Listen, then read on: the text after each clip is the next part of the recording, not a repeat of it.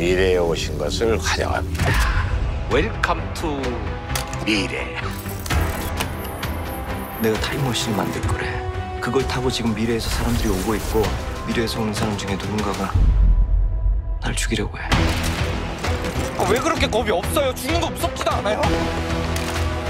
아무도 없는 세상에 혼자 살아남는 게 더 무서워. 이건 언제예요? 컨퍼런스 내일 모레. 테슬아, 지옥에서 만나자. 한태술 혼자서는 못해. 내가 다 구할 거야.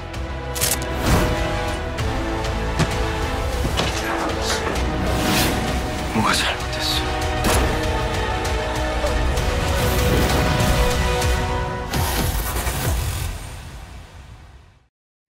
Em, dramanya Park Shin Hye tuh memang nggak pernah mengecewakan gak sih? Atau perasaan gue doang?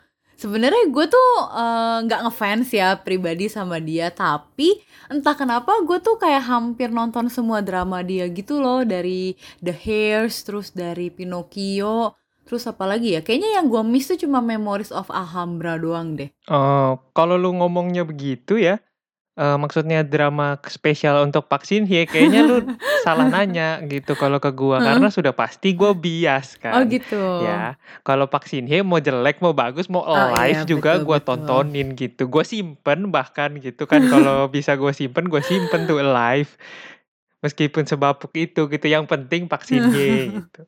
Nah, tapi ya kalau untuk Sisyphus ini sendiri sih menurut gua gua agak dilema sih. Maksudnya gua suka suka banget gitu sama ceritanya dan menurut Gimana secara tuh? overallnya bagus gitu kan. Meskipun banyak eh, Mm-mm, teori-teori mm-mm. yang agak tidak masuk akal gitu. Tetapi itu juga sebenarnya teori kan kita juga sebenarnya belum tahu gitu. Teori yang benar tuh sebenarnya yang mana. Jadi kan teori konspirasi semua sebenarnya kan. Iya, Suka-suka sutradaranya aja mau interpretasi benar-benar. seperti apa gitu. Cuma ya karena lebih ke teknis sih yang menurut gua agak kurang eh, di mana banyak pengambilan gambar dan juga secara grafik CGI itu yang ada bikin gemes gitu ya pada saat nontonnya. Padahal secara maksudnya semakin ke belakang tuh semakin bagus dan untungnya semakin ke belakang CGI yang ampas-ampas itu nggak ada lagi nih, nggak nggak seperti Penthouse gitu loh yang sampai akhir pun CGI kalau muncul ada CGI-nya tuh tetap begitu gitu kualitasnya. Untungnya ini enggak gitu sih. Eh, gue memang harus setuju apa kata lu soal CGI. Awalnya tuh gila ini CGI apaan ya? Maksudnya ini kan film yang sebenarnya kayak hampir eh ya fiksi banget lah ya. Mm-mm, Maksudnya betul. tidak Science bisa diterima dengan tidak bisa diterima dengan akal nalar gitu. Nah, terus Hmm. pas awal-awal gue ngerasa "Hmm, oke gitu kan. Terus oke sampai pada episode di mana si Kang Sohe ini nyelamatin Han Tae-sul dari eh, exhibition itu loh gedung exhibition ice kali ya Hmm. itu ya Ya, iya, Ice, kalau di sini di mungkin kita BSD. ice gitu kan. Iya kayak ice BSD terus dia tuh kayak eh, sempet terbang atau apa sih pakai tali gitu kan Hmm, kalau nggak salah ada lah ya. dan itu belakangnya backgroundnya CGI-nya gila gue pengen nangis ngeliatnya Ya jelek banget kan, parah gitu loh. Maksudnya kalau bahkan banget sebenarnya scene itu kan ditunjukkan gitu eh, behind the scenes-nya kan. Kalau Heeh. lu lihat di YouTube-nya GTBC itu ada gitu loh behind the scene-nya pembuatan scene itu tuh seperti apa. Dan kita bisa melihat semua area yang di belakangnya Kang Sohe dan Han Tae-sul itu semuanya memang green screen gitu. Maksudnya udah ada green Iya. screen-nya gitu loh. Jadi memang buluknya itu adalah di editor berarti bukan di setupnya setupnya menurut gue sudah bagus gitu berarti Hmm. memang editornya aja yang agak kurang ini Iya CGI-nya tuh di awal-awal gila nggak smooth banget sih. Terus ada beberapa adegan, cuma gua agak lupa ya episode berapa. Kayak ada adegan yang mereka tuh jalan naik mobil. Nah itu di awal-awal gue merasa Iya, ini iya, kayaknya iya. CGI Betul. juga deh.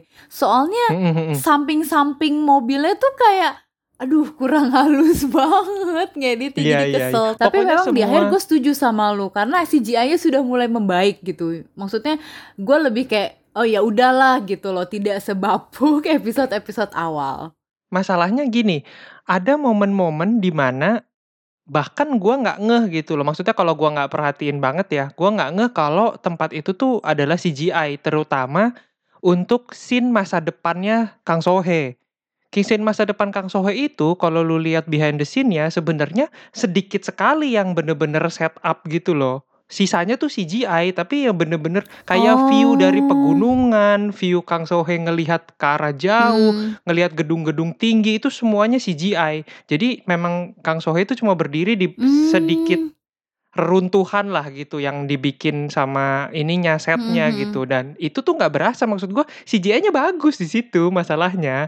Mhm, Kita tuh mhm. nggak merasa CGI di sana itu jelek tapi di mobil sih yang paling ngawur di sih menurut gua. Semua scene mobil yang berguncang-guncang itu tuh pokoknya yang shoot-nya itu tidak dari arah yang ideal itu tuh pasti CGI dan CGI-nya jelek banget menurut gue scene mobil ini. Sayang ya, maksudnya eh, kita sangat berharap sebenarnya si Sisyphus ini tuh digarap oleh studio kesayangan kita, Studio Dragon. Tapi I don't know why kenapa dia tidak mengambil proyek ini gitu ya. Mungkin Nah itu. kurang orang belakang GTBC kali ya bersama bisa dengan Studio jadi. Dra- Dragon itu. Malah Studio Dragon itu kan menangani Times kan yang menurut kita Oh, mungkin gitu? ya nggak tahu ya menurut gua ya Heeh. Studio Dragon itu menangani Times. Oh, gue pikir Nah cuma masalahnya Vincenzo. iya Vincenzo juga. Tapi yang terdekat memang Times juga yang gua gua udah cek gitu dan gue gue berpikir Times ini kayaknya nggak terlalu butuh high level CGI, CGI. seperti Iya, iya. Studio Dragon gitu. Bahkan Sisyphus menurut gua jauh lebih butuh karena dia secara genre aja udah science fiction gitu kan. Hmm, Tapi hmm, hmm, kenapa si itunya malah Times yang tadinya gue pikir setelah gua tahu Times ada studio adalah Studio Dragon, gue pikir akan banyak nih CGI CGI menarik. Tapi setelah Enggak nonton juga. 12 episode, nggak ada. ya begitu aja CGI-nya. Maksudnya lebih banyak real cam-nya kan daripada CGI-nya gitu. Iya, benar-benar. Dan di sini tuh gue sebenarnya sangat salut banget ya sama si uh, Park Shin Hye dan Cho Seung Woo ini yang gue baru sadar bahwa dia tuh ternyata main Stranger. Mm, karena betul. karakternya beda, karena karakternya tuh beda banget gitu loh. Dari Stranger yang kaku sampai dia meranin Han Tae-sul yang kayak Playful. kayak Tony kayak Tony Stark sih ya penggambarannya iya, ya iya, bener juga. Iya.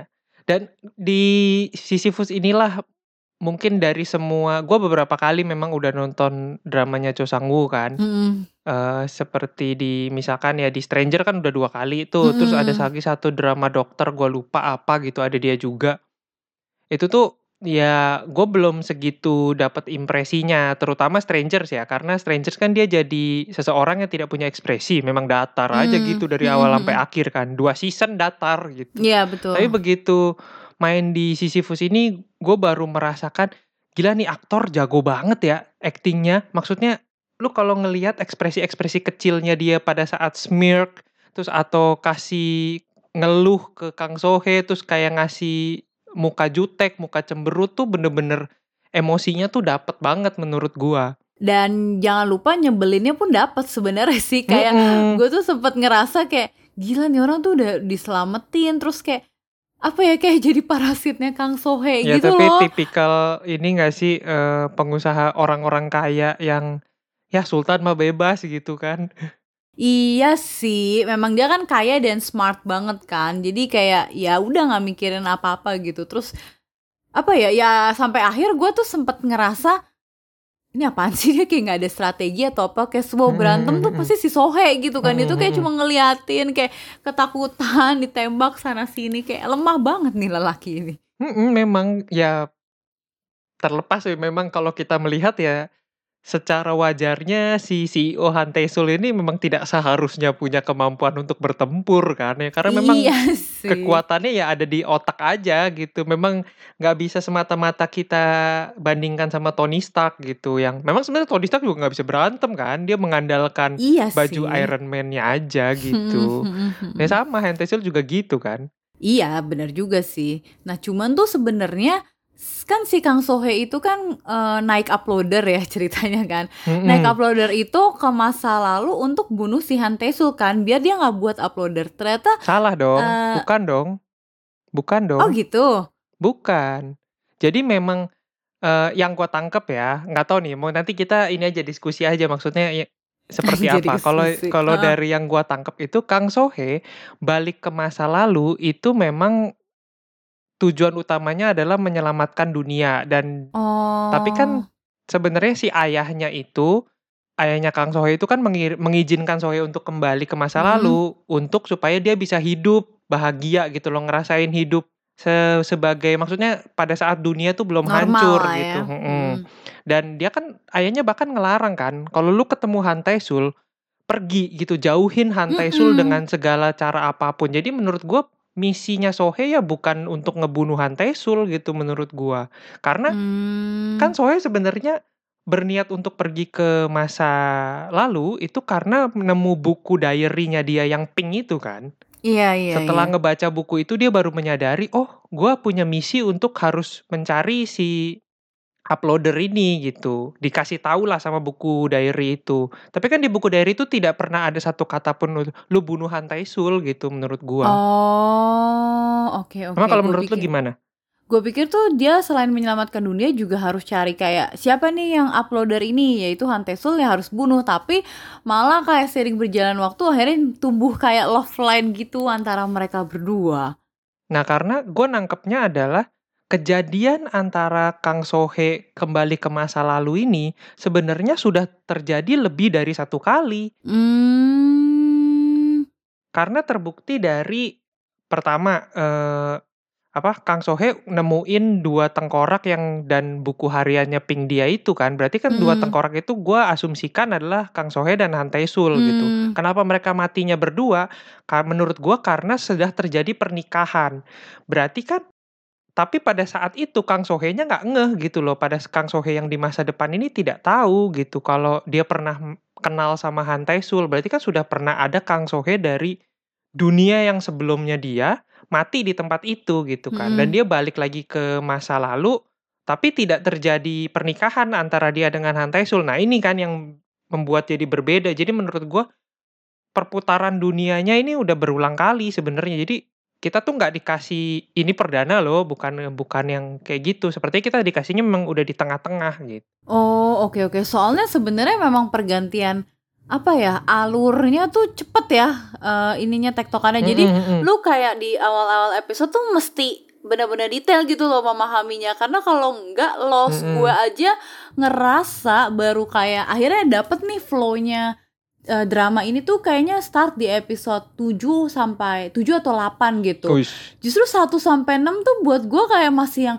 ini tuh ceritanya tuh tentang apa sih maksudnya ini mau di Masih Iya mau dibawa ya. ke mana Bahkan Sigma pun belum kita tahu kan Kita cuma tahu mereka dikejar-kejar Mm, mm, mm. Biro kontrol Terus kayak ya itu tuh apa gitu loh Maksudnya ya gue tahu dia tuh Mm, mm, jahat mm. Tapi apa gitu loh organisasi Apa sih ini gitu Ya memang gitu, gue juga maksudnya semua fakta itu kan memang baru diungkapkan itu memang dari tengah gitu kan. Jadi memang di awal itu bener-bener Mm-mm. purely cuma dikasih tahu background story dari Han Tae-sul terutama. Karena kita masih Kang Sohei ini kan muncul secuplik-secuplik gitu kan di beberapa episode kan. Iya background bener-bener story-nya seperti apa. Tapi lebih kita lebih dikasih tahu tentang kehidupannya Han Tae-sul gitulah pokoknya lebih kepada Han Tae-sul yang clueless terus tiba-tiba sebenarnya kalau kita ngelihat di episode-episode akhir sudah banyak clue yang kita dikasih gitu loh tentang kehidupannya Han Tae-sul yang ternyata Mm-mm. di situ juga ada Sigma di sekitarnya dan dan ada Benar. clue-clue dari kakaknya juga ternyata ada di sana gitu kan yang kita pun nggak ngeh gitu pada saat sama kayak Han Tae-sul kita pun nggak ngeh pada saat nonton Iya, karena akhirnya tuh pas apalagi di episode akhir gue udah makin kayak kebuka gitu kan karena oh ternyata tuh ini ini ternyata tuh yang scene ini tuh buat Newport yang ini jadi udah mulai kejahit gitu semua benang merahnya. Waktu di awal kan Kang Sohe aja kita kayak di, di, sis- apa disuguhi adegannya tuh kadang ya masa kini, kadang ya masa depan gitu kan. Jadi kayak aduh ini pergantiannya tuh terlalu cepet gitu loh buat gue. Jadi memahaminya tuh pertama masih agak bingung gitu sih tapi akhirnya dapat akhirnya dapat akhirnya dapat walaupun mm, endingnya agak mem- agak bingung ya yang terutama yang scene dia sama Han Tae-sul di pesawat tuh gue agak kurang gedit sih maksudnya itu. apa itu sih menurut gua sepertinya akan menjadi seperti bukan open ending yang menurut gua akan menjadi ranah debat dari semua penonton Sisyphus gitu karena menurut gua sendiri, Nah, untuk apa ada scene ini iya gitu kan? maksudnya. Bener bener bener. Dan setelah gue pun bahkan karena saking mentoknya gitu ya, udah nggak bisa mengeluarkan teori lagi maksudnya si sutradara nih scene ini mau ngapain sih gitu. Apakah eh, jadi akhirnya banyak kesimpulan gitu. Misalkan ke seperti apakah ini bridging untuk season 2 tapi mau ngomongin apa lagi gitu. Tapi Memang sih masih bisa ada ada yang dikembangkan di season 2 karena toh Sigma juga masih hidup sih ya kan. Hmm. Terus eh, kayak apakah itu sebenarnya adalah akhirat gitu di mana Hantai Sul yang kan kalau misalkan orang mau mati itu tuh katanya mengalami sem- semacam eh, momen-momen di mana dia nginget semua segala macam memori yang indah menurut dia atau yang dia sesali gitu kan. Hmm. Jadi ya apakah scene di pesawat sama Kang So ini adalah scene detik-detik menjelang Hantai Sul itu mati gitu. Yang itu juga gue masih nggak tahu. Jadi ataukah itu sebenarnya Hantai Sul dan Kang Sohe di surga gitu kan gitu nggak tahu juga gitu. Oh. Makanya aneh banget scene itu sih ranah interpretasinya menurut gua jadinya terlalu random ya. Padahal udah bagus ya maksudnya ya udah Hantesul kan bunuh diri mati nggak jadi peperangan. Maksudnya gue rela sih gitu daripada seluruh dunia hancur mending lu aja yang mati gitu kan. Mm-mm, Lu juga mm-mm. sih itu sumbernya. Nah cuma ketika Mm-mm. sini tuh gue cuma mikir satu interpretasi sih bahwa itu kayak perjalanan mereka ke surga gitu loh. Jadi diibaratkan kalau misalnya pesawat itu tuh eh, mungkin adalah aktivitas normal terakhirnya Tesul kan yang kemarin itu. Mm-mm. Terus ibaratnya dia kayak pergi ke surga udah di atas awan melalui pesawat. Itu sih yang gue tangkep. Mm. Cuman kalau kayak gitu berarti Sohenya mati juga dong. gue terus Kan jadi karena bingung memang gua. Sohe gini, yang mati adalah Sohe dari masa depan kan karena masa depannya kan iya, iya, berubah. berubah kan. ya kan? Benar, Jadi benar. Kang Sohe yang ada pada saat itu bersama Hantai Sul harusnya tidak pernah ada gitu. Itulah makanya kenapa kan dia menghilang kan. Jadi debu Mm-mm. lah anggapannya gitu. Mm, Nah mm, itu mm, menurut gue ya bisa jadi juga itu loh. Cuma kalau teorinya adalah itu sebenarnya adalah perjalanan ke surga, gue ada kebingungan lagi di mana si Sigma ini yang kita melihat tadinya kok sepertinya berubah jadi orang baik gitu kan, Iya, yang iya, dia iya, iya. ngelukis di taman Bener. itu. Tapi pas masuk ke balik ke kamarnya tuh ternyata lukisan seram di muka Hantai Sul tuh masih ada gitu loh dan dia Mm-mm. seperti ngobrol gitu kan terus dia pura-pura impersonate Hantai Sul terus dia juga ternyata punya buku catatannya bapaknya Kang Sohe Mm-mm. yang yang ternyata ada di dalam kantong jaketnya yang waktu itu dikasih ke dia itu kan. Iya, nah di iya. dalam itunya kan ditulis Hantai Sul still alive gitu loh. Maksudnya Hantai Sul tuh masih hidup. Nah ini maksud gue maksudnya apa gitu loh? Eh, kata-kata itu tuh ditunjukkan ke kamera tuh buat apa gitu. Karena menurut gua itu tuh tulisannya bapaknya Kang Sohe kan. Mm-mm. jadi bukan tulisannya Sigma gitu tapi buat apa kamera nyorot tentang tulisan Hantai Sul masih hidup gitu. Itu sih yang menurut Hmm. gua bikin gua bingung maksudnya Si sementara kita Sigma nggak melihat twist opportunity ya. iya Sigma plot twist banget Hmm, apalagi tuh gue nggak nyangka bahwa ternyata si Sigma itu adalah teman kecilnya Hantesul ya gile. Ternyata maksudnya deket gitu loh. nah ya, ya itu sih nggak nggak yang ini sih deket Hmm, hmm, yang hmm. terus udah gitu yang paling plot twist lagi ternyata dia tuh ada di mana-mana kayak dia ternyata jadi OB-nya terus dia ternyata kirim surat ya kan kalau nggak salah Hmm, jadi kayak sebenarnya tuh dia ada di mana-mana Mm-mm. gitu loh terus kita iya kayak benar wow ya tapi sebenarnya dia tuh jadi jahat juga kayak kasihan gak sih gue ngelihatnya Ya kan memang sebenarnya pada dasarnya ya kalau kita ngelihat eh, ini tuh cuma di balik lagi teori orang baik yang menjadi jahat ya karena kan disakiti Bener, gitu bener. kan. Ya kan Heeh. sebenarnya Sigma ini Sigma ini tuh cuma berharap ada orang yang peduli sama dia, iya ya kan? Cuma masalahnya adalah pada saat si bapaknya Kang Sohe itu sudah peduli sama Sigma akhirnya dia berubah menjadi karakter yang lebih baik dia tetap punya obsesif itu gitu karena menurut gue ya dari kecil dia memang punya obsesif ke Iya, arah iya. psikopat gitu tadinya gue pikir kalau psikop calon-calon psikopat seperti anak ini seperti yang pas masa kecil kan namanya Sowonju ya ditolong dengan baik dan di maksudnya bergaul dengan baik tuh depannya bisa jadi orang yang baik juga gitu tapi pada akhirnya si Sigma itu kan setelah ending kita melihat dia sepertinya kok masih terobsesi sama Hantai Sul gitu. Padahal Hantai Sul juga kita taunya sudah Mm-mm, tidak mm-mm. ada gitu kan. Udah meninggal gitu. Nah, makanya aneh banget sih maksudnya jadi si Sigma ini mau lu jadiin karakter yang seperti apa sih gitu.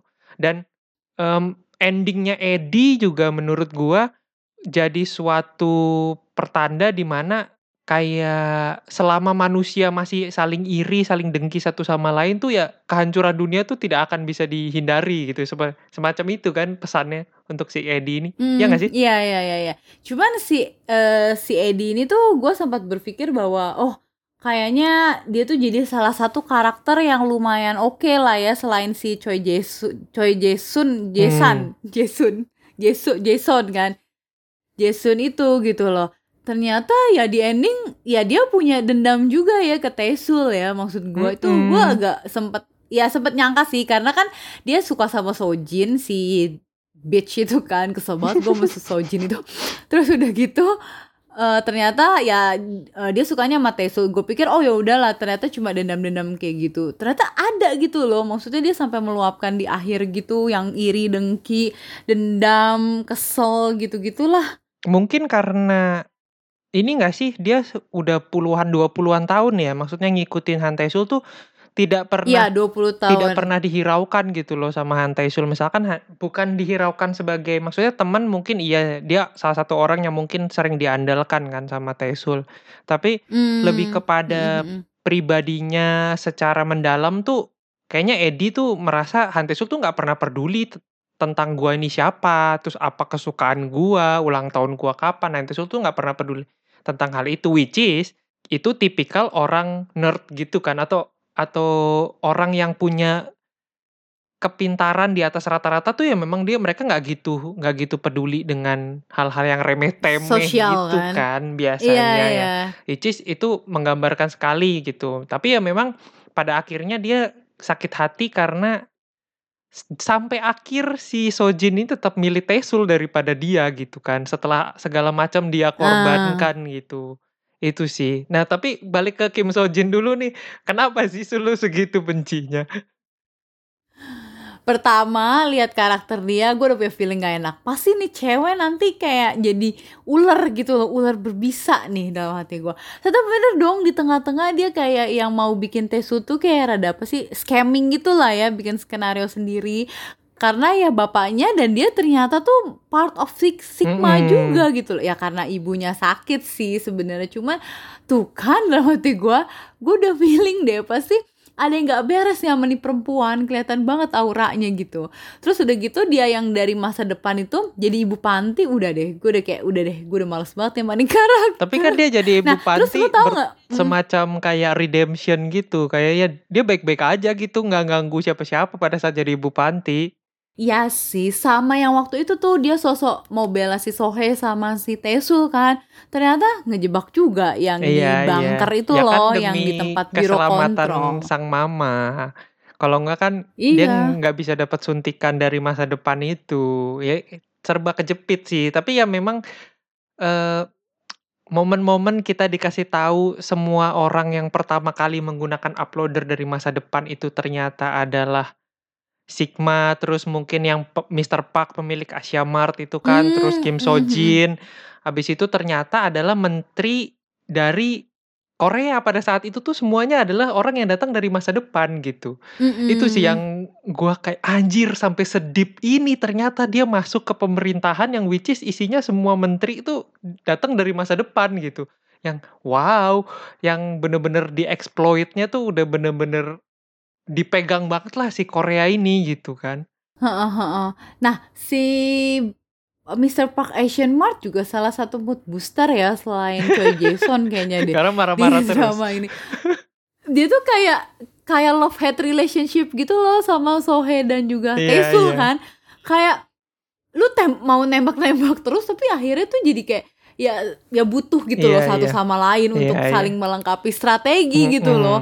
Dan another plot twistnya ternyata Bing Bing itu Nah anaknya dia iya, gile. itu sih yang paling tidak terduga ya. Pantesan selama ini Gue kita kayak- melihat Bing Bing Iya. kok kayak kepo banget sama Mr. Park ke bank care banget kan ke bank peduli diikutin terus gitu. yang kayak kalau makan apa pun segala macam dipikirin gitu kan yang kelihatannya kok Mm-mm. perhatian banget nih apakah segitu perhatiannya karena dia adalah penyelamat kan Mr. Park taunya Bing Bing ini imigran ya Iya. Ya kan maksudnya dari luar dari masa depan gitu kan yang diselamatin sama dia gitulah. Meskipun kita tahu ya, maksudnya setiap kali Han Tae-sul, Sohee sama Mr. Park ini ketemu, pasti akan jadi situasi komedi gitu. Iya. Situasi komedi pasti terjadi gitu. Kita tahu. Situasi komedi dan tembak-tembakan yang pasti terjadi tapi ujung-ujungnya ayo kita kerjasama. Udah gitu dulu sampai akhir Iya tau gak gitu. sih? Ya muter-muter aja tuh. Debat, debat, debat. Akhirnya nego. iya akhirnya balik lagi. sepakat. eh. Terus mm, gitu-gitu aja terus. Iya udah apa udah kabur udah deh kabur dari Asian Mart balik lagi ke Asian Mart gitu loh maksud gue lu tuh kayak apa sih nih ber, apa hubungannya dia tuh sama Mr. Park? Tapi si Mr. Park ini juga gue sangat mengakui aktingnya sih ya si Sung Dong Il kan ya. Ini keren banget. Dia emang selalu nailed di semua drama si Ajus ini Iya memang. Dia maksudnya aktingnya tuh bagus gitu bagus banget. Dia bisa bikin mood iya. mood yang tadinya tegang tuh karena kelakuannya dia tuh atau gimmicknya dia tuh bisa jadi lucu gitu kan Bener bener bener bener. Sama Choi Jason yang gue pikir mati dong Gue udah sedih banget. Kayak gue sedih nonton Sweet Home Kayak anjir. Yang mana Sweet Home yang sedih? itu aduh yang ada satu karakter yang gue suka mati tuh kan gue sampai lupa loh nama ininya. Oh Siapa? si siapa? sih lelaki iya iya samurai gue itu juga ya? Lupa, gue juga lupa namanya. lagi namanya. Pokoknya itu sama sedihnya gitu loh. Ternyata nggak mati dong. Itu nah kan itu gue udah apaan duga sebenarnya. Karena gua pasti ada something ya Bukan, karena gue merasa aneh pada saat itu kan ditembak berkali-kali ya di punggungnya si Sun itu ya, si Ah, ah. Sun itu kan. Uh, Tapi uh, uh, tidak uh. ada darah sedikit pun yang mengalir, bahkan sampai Sohe yang udah mau nembak si siapa itu si agen rahasia itu, Jong ya detektif itulah eh, ya si Jong Hyun Gi itu kan mau ditembak nggak jadi, terus dia balik lagi ke Sun, masih belum ada darah juga itu berceceran Iya, iya, di situ. Itu yang sih. gue curiga. Ini kenapa kagak ada darahnya sama sekali? Apakah kesalahan dari Tadinya gue pikir Sun juga mati, jadi apakah kesalahan dari pihak produksi gitu, kelupaan darah apa gimana? Tapi kayaknya nggak mungkin ternyata masih hidup. emang nggak mungkin Mm-mm, udah dikasih ini apa jaket anti peluru gitu lah. Ternyata si Han Tae-sul balik ke masa lalu pakai jaket anti peluru tuh ada fungsinya gitu ya, bukan buat dia ternyata. Itu kan sempat disuguhkan bahwa eh, si Han Tae-sul ini kan kayak pas di gereja itu kayak nggak ada fungsi gitu kan. Gue sampai pikir apaan sih nih cowok nggak ada fungsi? Mm-mm. ternyata dia se-thoughtful itu kayak berpikir balik ke masa lalu kasih eh, jaket peluru terus dia sembunyi di atas untuk nembak si Kemal terus gue kayak oh fungsi juga nih cowok Iya memang itu di situ dia cuma fungsinya jadi tukang angkut ya karena kan Iya. itu senjatanya Berat berat, banget, iya. banget kan. Jadi dia Sohei kayaknya nggak bisa tuh bawa senjata itu sendirian sampai situ. karena kan selama gitu. ini yang berfungsi memang Sohei ya maksudnya Mm-mm. yang bener-bener powerful tuh dia gitu loh. Nah, karena tadi lu nyebut yang detektif Jung Hyung Gi itu, gue juga sempat pikir apakah karakternya tuh cuma berhenti sampai yang ketika dia mati sama emaknya itu kan. Mm. Eh, ternyata nggak berhenti sampai situ ya, karakternya tuh panjang gitu loh lifetime-nya. Bener-bener ikut juga dalam main case gitu. Gue sempat Mm-mm. berpikir, oh lumayan sih gitu. Gue sih udah tahu maksudnya udah ada gambaran lah si Jun Jun Hyung Jung Hyun Gi ini bakal panjang gitu loh karena dia sempat Hmm. minta maaf kan pada saat pertemuannya yang dia dari masa depan sama Sohe itu dia pernah sempat minta Mm-mm. maaf ngomong aku minta maaf terhadap apa pun yang akan aku lakukan di ke depannya nanti gitu berarti kan dia akan ah, ah. di ke depannya bakal melukai Sohe gitu loh jadi gue tau oh dia pasti masih masih ada terus nih cuma gue nggak nyangka dia sampai akhir aja gitu dan itu juga ya gue sempet bingung tuh pada saat dia menerobos masuk setelah ketemu Sohe terakhir terus dia sadar kalau ternyata dia itu cuma Dia dimanipulasin ya. Mm-mm. ya itu dia kan dia balik ke markasnya Sigma itu kan Mm-mm, biro kontrol. Mm, ke biro kontrol. Terus di situ cuma ada si kepalanya, si pimpinannya lah gitu, pimpinannya biro Mm-mm, kontrol. Sementara yang lainnya tuh hilang. Tadinya gue bingung, kenapa yang lain hilang? Maksudnya itu udah kosong Nah itu banget, nggak ada nggak ada mau siapa pun. jadi pertanyaan gue. Tapi gue akhirnya menyadari gitu loh, maksudnya gue gua sadar Gimana maksudnya? mereka itu hilang adalah pada saat momen eh, Kim Sojin dan semua anak-anak kecil yang ada di panti itu juga ikut menghilang. Jadi kesimpulan gua adalah semua yang ada di biro kontrol kecuali sang pimpinan itu adalah orang dari masa depan. Hmm, Hmm, iya ya make sense. Sekarang pertanyaanku kejawab karena dari tadi gue juga wondering soal itu. Kenapa tiba-tiba jadi sepi? Kagak ada anak Mm-mm. buah lagi gitu kan. Oh iya ya bener juga sih. Gue gak kepikiran Jadi lagi. si Nah, pimpinannya si itu pimpinan enggak kalau si pimpinan gimana? itu kan dia jelasin tuh pada saat terakhir sama Hyungi yang dia minta dia dibunuh, ya kan? Mm-mm.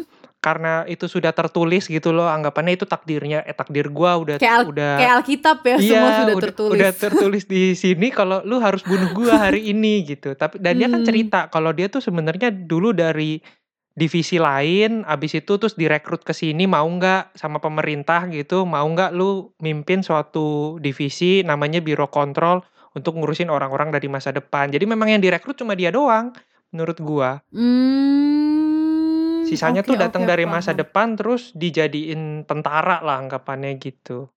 Tapi kalau dia maksudnya nggak nggak mati nggak jadi kan akhirnya nggak jadi dibunuh tuh. Nggak Itu jadi. sebenarnya kenapa? Iya kenapa dia kayaknya kesel? Maksudnya berarti masa depannya berubah gitu ya? Iya, karena kan ini gini, si biro kontrol ini kan sepertinya sudah berlangsung dari semenjak Sigma tuh datang gitu kan ke masa Iya. sekarang gitu kan. Dia bikin Benar, biro benar, kontrol, benar. ngerekrut si pimpinan ini, terus Mm-mm. membikin lah suatu sistem gitu di mana kalau imigran tuh datang kita harus awasin segala macam gitu-gitu kan. Nah, sepertinya Mm-mm. si pimpinan biro kontrol ini udah yakin banget kalau semua itu harus berdasarkan apa yang sudah tertulis supaya masa depan tuh tetap sesuai dengan yang ada di dunianya masa depannya si Sigma gitu. Karena kalau ada satu Mm-mm. perubahan kan terjadi glitch tuh yang kayak misalkan Iya iya iya iya ya iya kan? benar-benar. selalu gitu tuh yang terjadi glitch gitu. Itu tuh berarti kan tandanya ada ada suatu faktor kecil atau momen di mana masa kan? Mm-mm, masa depan tuh berbeda gitu. Itu sih menurut gua kenapa makanya dia kesel banget ya karena kalau lu nggak bunuh gua nanti masa depan berubah nih gitu. Hmm. Oke, gue paham sih sekarang. Dia tadi itu cuma wondering hal itu sih selain endingnya yang sangat membagongkan menurut gue. Cuma gini ya, gua akhirnya berkesimpulan bahwa penyebab time looping atau lingkaran setan ini terus terjadi tanpa henti ya karena Hantaisul bukan karena Hantaisul bikin uploader menurut gua ataupun si downloadernya gitulah. Bukan karena Hantaisul bikin itu, tapi karena Hantaisul sama Kang Sohe detik itu dia datang ke rumahnya Sigma Eh, yang mereka mau ngebunuh terus berantem gak jadi. Ah, nggak jadi kan? Heeh. Mm-mm. Andaikan Hantaisul tidak pernah ganggu hidupnya Sigma, menurut gua dia pasti udah mati tuh gantung diri. Hmm, iya ya sebenarnya tuh tanpa dia susah payah untuk coba ngebunuh, toh anyway Sigma juga bakal mati sih, ya Mm-mm. kan? Pakai Dia kan udah punya, udah ke kayak kalau di sini apa Toko S hardware material gitu, lah. ya S hardware. Eh hardware anjir. Iya Ya iya kan, iya benar. udah beli apa isolasi, udah beli tali segala macem. Terus karena kejadian yang Hantaisul datang terus dia terluka, terus dia kabur ke kantor Hmm. polisi itu kan, terus dia yang nggak bayar taksi, terus dia dihujat sama, Hmm. dijulitin sama seluruh orang, terus dia nginep satu malam di apa? Di taman, terus baru balik ke rumahnya Heeh. lagi mau bunuh diri kan abis itu, Iya, tapi benar, gagal benar. karena ada serangan roket.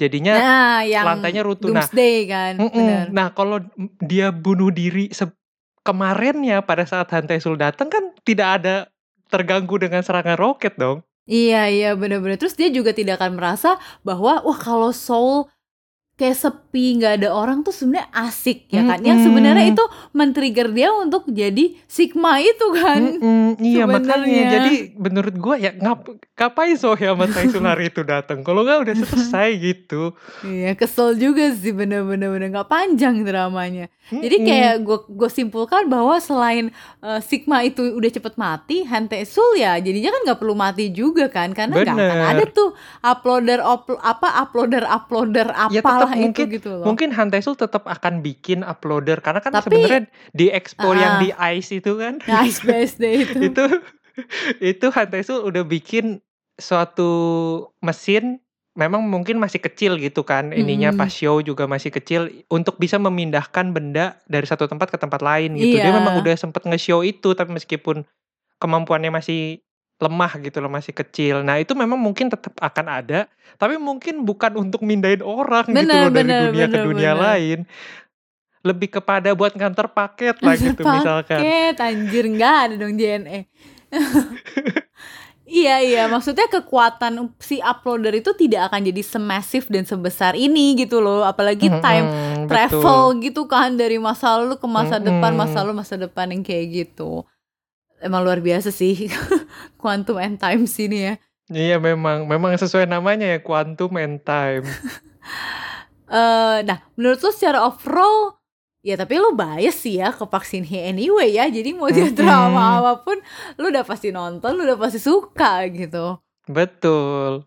Tapi gue suka sih, gue suka banget vaksinnya itu ngambil eh, drama yang tipenya tuh bukan rom kayak dulu kan romantik gitu kan dia dikenalnya Mm, kan. mm, Terus sekarang ngambilnya tuh yang action dan gue super suka banget ngelihat dia doing action gitu. Mm, mm, Keren sih, keren Ya banget. dan momen-momen romantiknya pun meskipun sedikit, maksudnya ada, tapi menurut gue porsinya memang momen Iya. yang pas gitu loh, nggak Iya, diada-adain pas harus tiba-tiba romance, tiba-tiba gimana gitu dan masalahnya setiap kali mereka ada adegan romantis tuh either Kang Sohye-nya awkward atau Han Tae-sul-nya ngelawak gitu kan selalu Mm-mm. gitu. Selalu gitu, bener-bener. Jadi bukan terlalu yang romance kayak bener-bener romance gitu Mm-mm. loh. Cuman lebih lebih ngeliatnya lebih kerja sama tim sih ke mereka walaupun Hantesul kadang-kadang Mm-mm. lebih jadi benalu ya ngeselin gitu loh Iya iya. karena Tapi sebenarnya kalau kita lihat ya, mereka berdua ini kan pasangan yang klop banget ya, di mana Kang Sohye ini jago banget di Fisik lah ya. kegiatan fisik Ah, lah gitu bener, ya. bener, bener. Sementara Han Tae-sul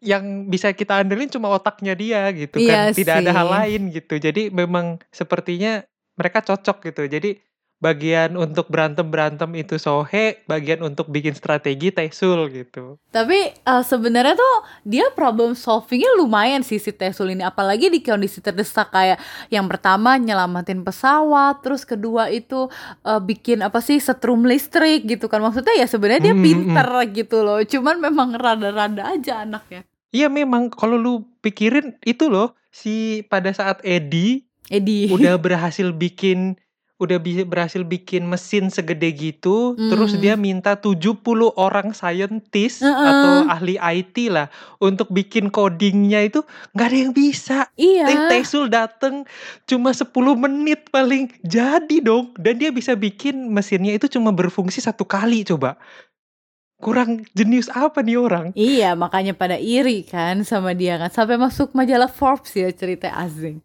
Mm-mm. Majalah Forbes terus bajunya masih pakai yang lusuh pakai kacamata gitu Yoi. Oh iya, tapi satu lagi sebelum kita menutup ending, jangan lupa juga sih sebenarnya tentang karakter Hantesan ini ya, kakaknya Tesul. Mm-mm. Walaupun gue agak bingung fungsinya sebenarnya dikit, tapi core ya gitu loh fungsinya si Tesan ini.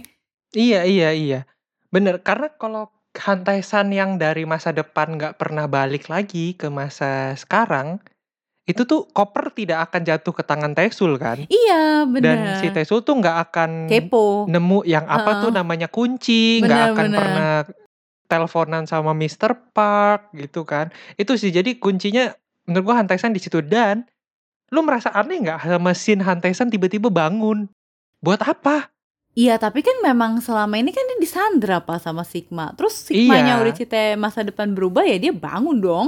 Ya maksudnya tapi gimana ya? Padahal kita kita tuh sudah anggapannya sudah rela gitu loh, sudah iya, berpisah dengan Hantesan yang pikirannya tuh terkurung Di di, masa lalu. anggapannya di dream gitu lah Iya, ya masa iya. lalu gitu. Kita tuh sudah rela gitu tiba-tiba dia bangun di saat dunia tuh sudah aman, Hantesulnya ya, juga iya. udah mati. Terus yang kayak ya terus Hantesan bisa apa sekarang? Kayak fungsinya apa lagi nih orang ya? Kayaknya udah nggak ada fungsi gitu loh. Mm-mm. Oh terus sama satu lagi, gue baru tiba-tiba keinget sama Bong Sun ya. Oh, iya. Tuh ternyata punya punya peran yang sangat vital loh. Iya iya. Si Hanson kan Bongsun itu ya. Iya iya betul Iya, iya, Hanson. Pak. Kenapa kita lebih ingat Hanson ya daripada Bong Sun? Padahal gue sedih loh ketika dia kena tembak terus kayak ditelantarin gitu kan orang-orang nggak nolongin dia waktu di Ice Mm-mm. Base Day itu.